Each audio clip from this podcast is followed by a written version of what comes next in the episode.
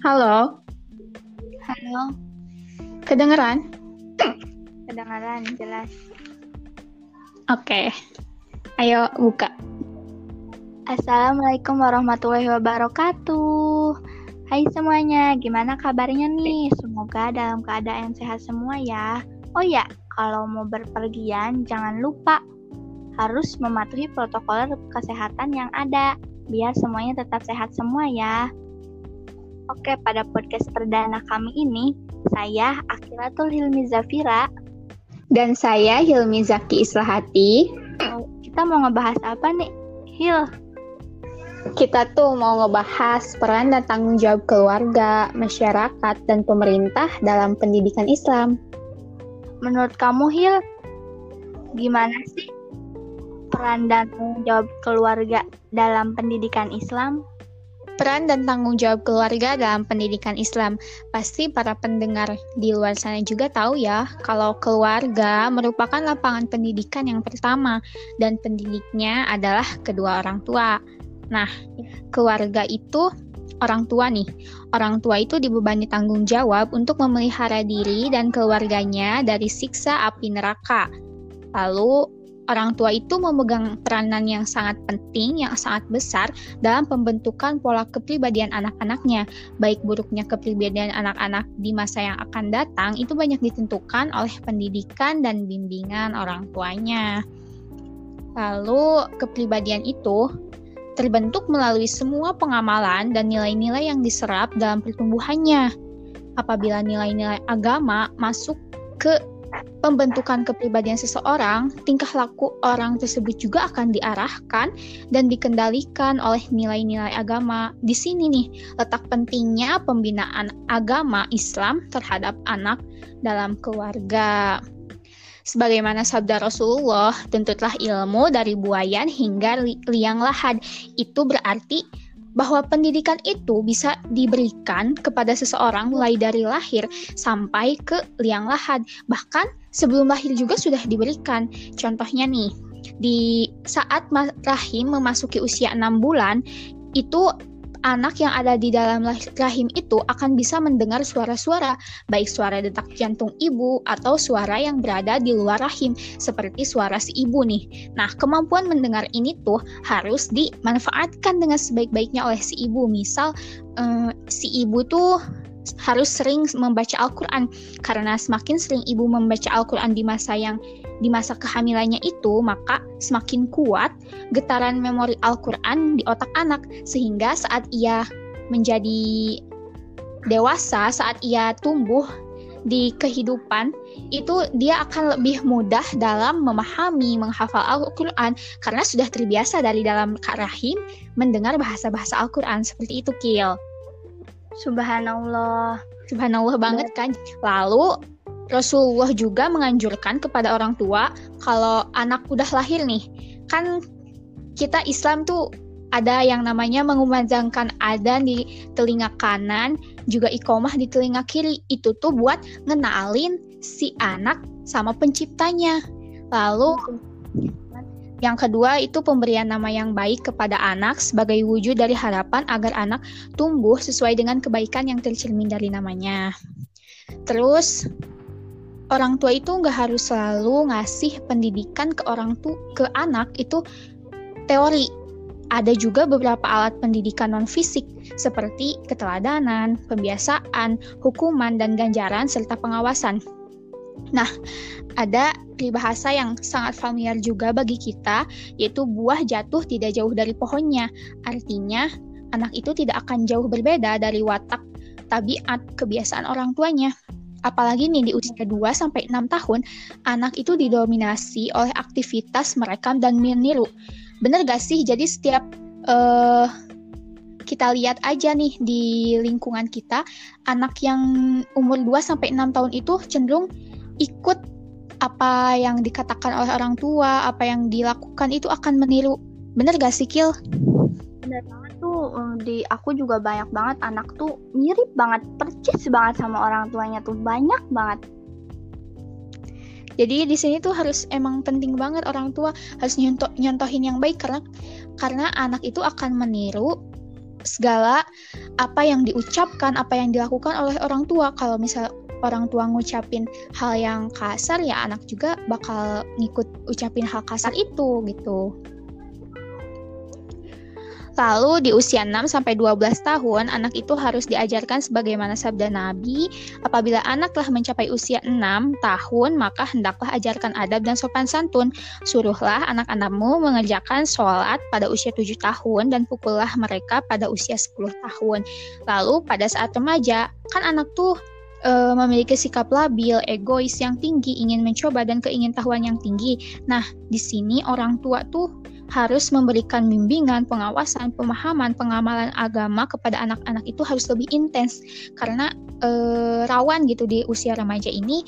Jadi biar bisa mas, masih bisa terkontrol lah gitu biar ibu or ibu atau ayah itu bisa mengawasi sehingga si anak tidak terjerumus ke hal-hal yang memang dilarang oleh agama begitu sampai ia dewasa sampai ia bisa menjadi orang tua, mengambil peran orang tua dan menjadi pendidik anaknya kelak sebaik ibu dan ayahnya mendidik dirinya.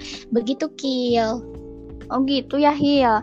Terus-terus menurut kamu yang peran dan tanggung jawab masyarakat terhadap pendidikan Islam gimana sih Hil? Oh, masyarakat juga sangat memiliki peran yang penting terhadap pendidikan, terutama pendidikan Islam.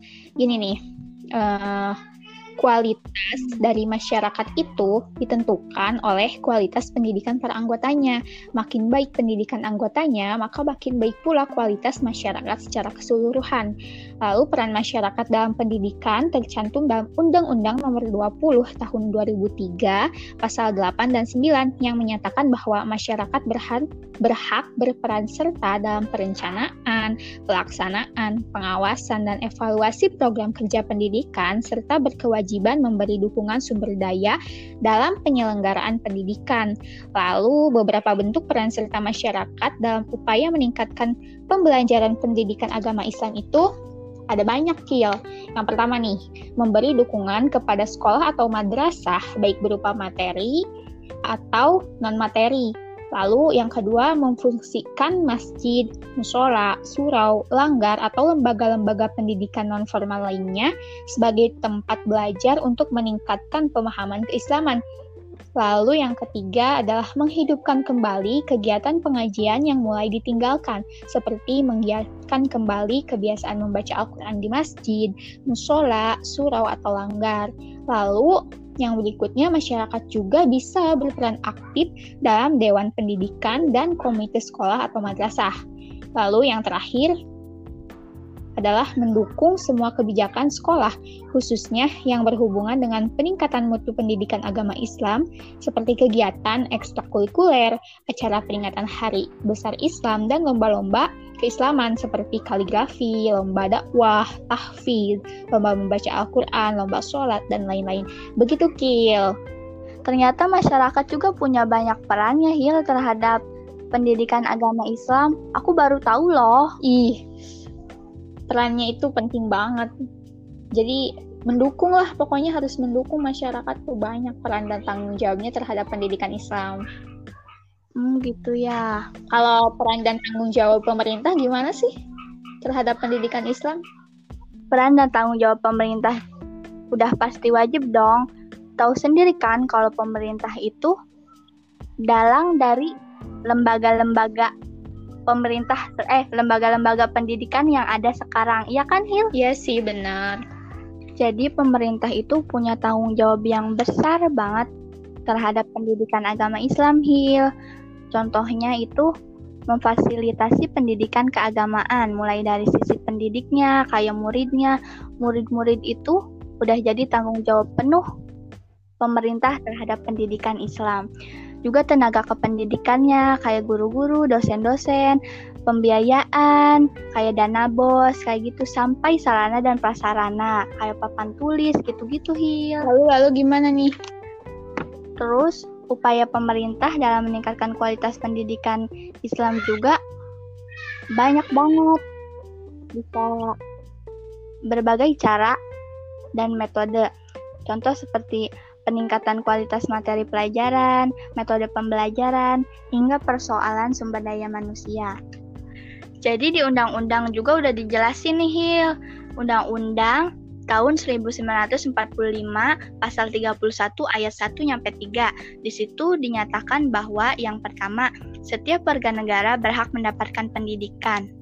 Yang kedua, setiap warga negara wajib mengikuti pendidikan dasar dan pemerintah wajib membiayainya. Tuh kan, jadi pemerintah itu punya tanggung jawab buat ngebiayai pendidikan warga, khususnya pendidikan agama Islam. Oh, gitu. Terus yang ketiga, pemerintah mengusahakan dan menyelenggarakan satu sistem pendidikan nasional yang meningkatkan keimanan dan ketakwaan secara akhlak mulia dalam rangka mencerdaskan kehidupan bangsa yang diatur dengan undang-undang. Jadi selain tanggung jawab pemerintah terhadap murid-murid, dosen-dosen, dan pembiayaan dan lainnya, pemerintah juga punya tanggung jawab untuk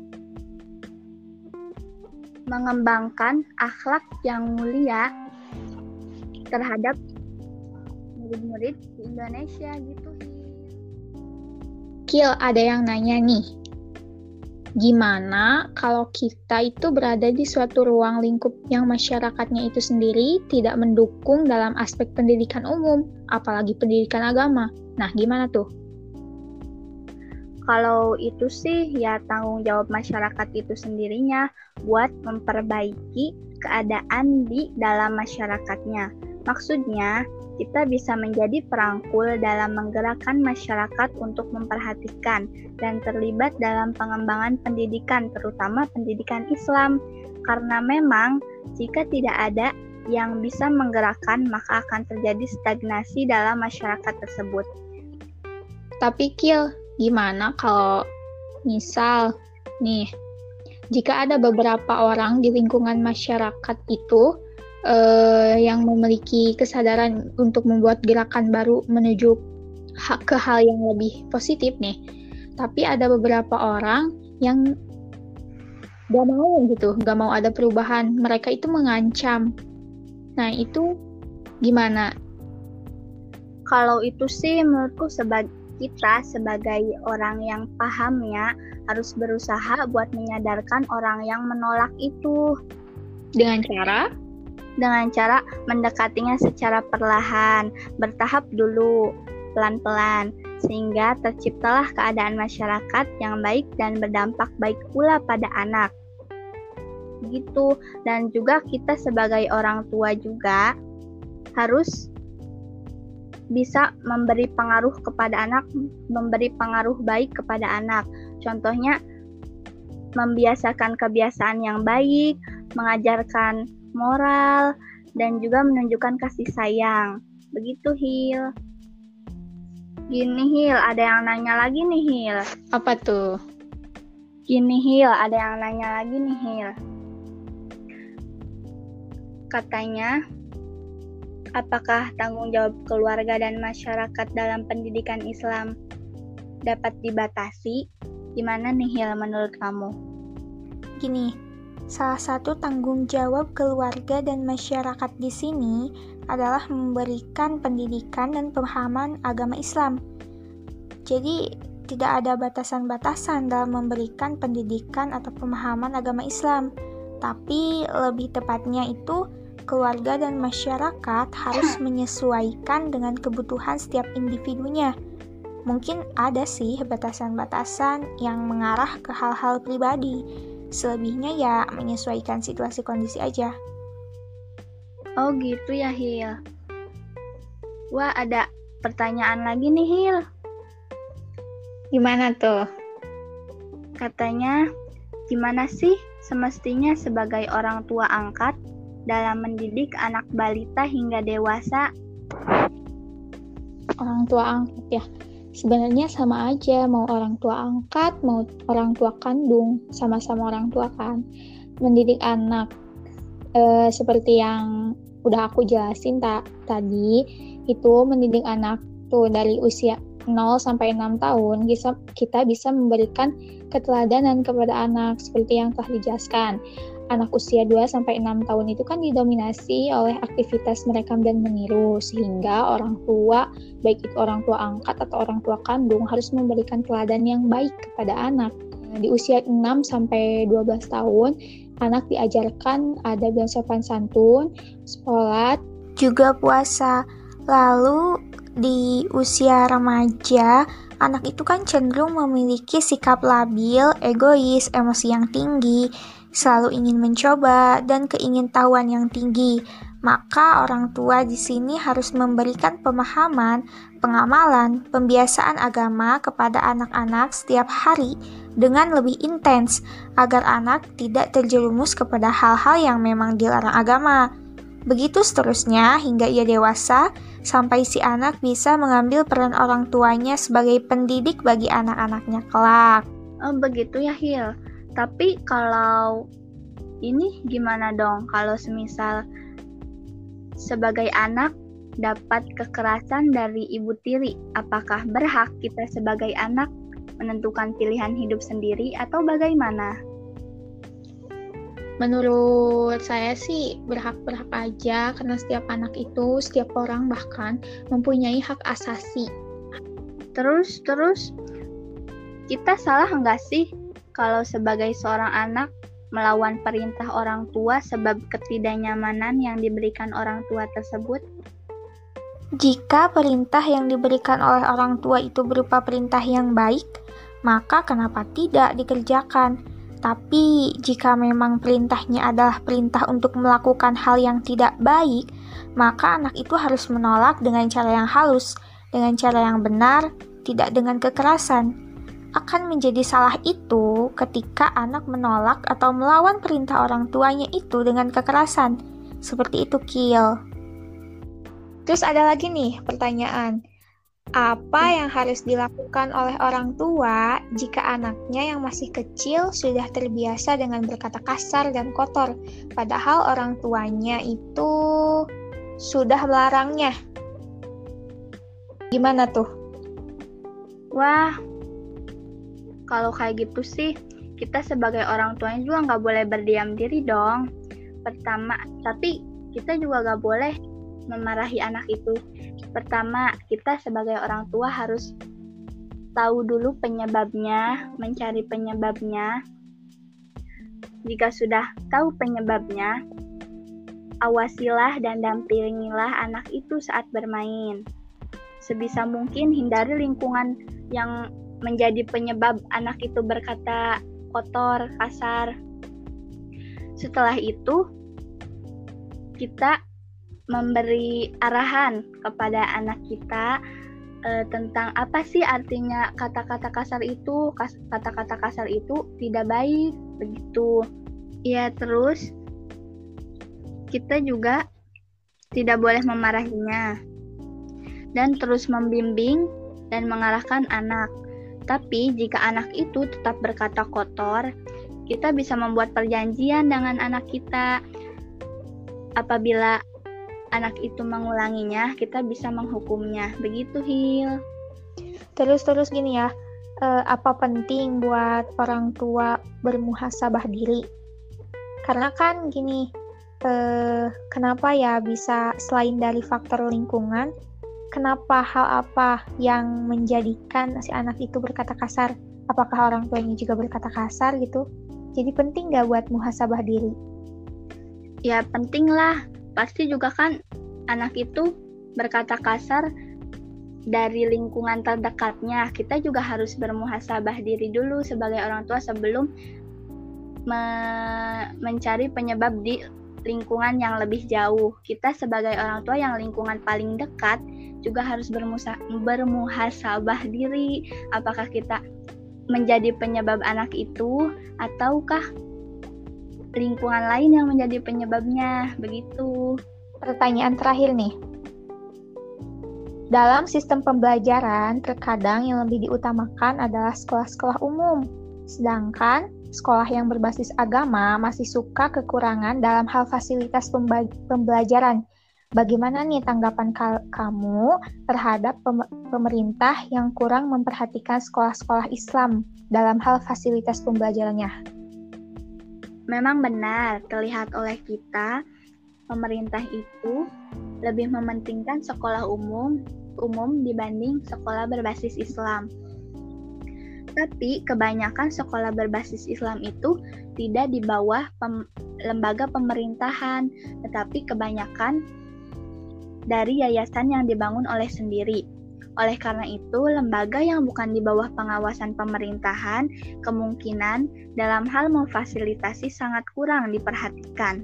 Tetapi dalam semua lembaga atau sekolah Islam tetap mengikuti kebijakan dan ke da dari pemerintah. Tapi menurutku gini, Kil, uh, pemerintah itu kurang memperhatikan lembaga pendidikan agama Islam Malah saya baca beberapa sumber juga banyak yang mengatakan bahwa pemerintah itu menganaktirikan lembaga pendidikan Islam. Anak tiri ya? Menurut saya sih untuk sekarang sepertinya pemerintah sudah tidak menganaktirikan pendidikan berbasis agama lagi. Contohnya, pemerintah ingin menyetarakan ijazah lulusan pesantren Salafiyah untuk bisa mendaftar di perguruan tinggi nasional, begitu Hil. Wah, bagus dong. Berarti pemerintah telah mengalami peningkatan dalam memperhatikan pendidikan Islam di Indonesia. Jadi Kil, ini udah beres nih kita bahas tentang peran dan tanggung jawab mulai dari keluarga, masyarakat, dan pe pemerintah dalam pendidikan Islam. Kesimpulannya apa nih? Jadi, kesimpulannya itu pendidikan Islam merupakan tanggung jawab bersama mulai dari keluarga, masyarakat, hingga pemerintah. Semuanya memiliki tujuan yang sama dalam pendidikan Islam, yaitu menjadikan manusia yang berkualitas dengan keimanan dan ketakwaan kepada Tuhan Yang Maha Esa. Mulai dari keluarga, keluarga sebagai madrasatul ula bagi anak untuk menentukan pola perilaku anak itu sangat penting. Terus yang kedua ada masyarakat. Masyarakat juga sangat dibutuhkan partisipasinya dalam kualitas pendidikan Islam.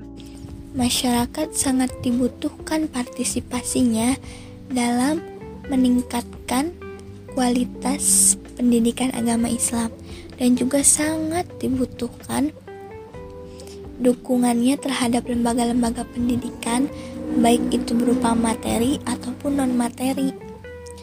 Dan yang terakhir ada pemerintah. Pemerintah sendiri merupakan kendali dari lembaga-lembaga kependidikan, baik itu pendidikan formal maupun pendidikan berbasis agama Islam. Semua kebijakan-kebijakan pemerintah sangat berpengaruh terhadap lembaga pendidikan untuk meningkatkan kemajuan pendidikan baik itu agama Islam, pendidikan Islam ataupun pendidikan formal.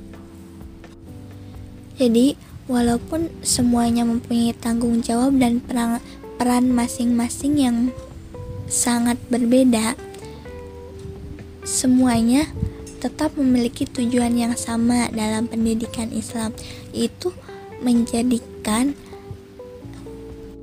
atau mencetak manusia yang memiliki akhlakul karimah dan juga memiliki iman yang kuat terhadap Allah Subhanahu wa taala. Begitu Hil. Oke, cukup sampai di sini podcast kali ini. Iya, jangan lupa jaga kesehatan. Apalagi kalau mau berpergian tuh. Harus matuhi protokol kesehatan yang ada. Jangan lupa sayangi diri sendiri dan keluarga sebelum menyayangi dia. Saya Abdulatul Hilmi Zafira dan saya Hilmi Zaki Isfahati. Pamit undur diri. Wassalamualaikum warahmatullahi wabarakatuh.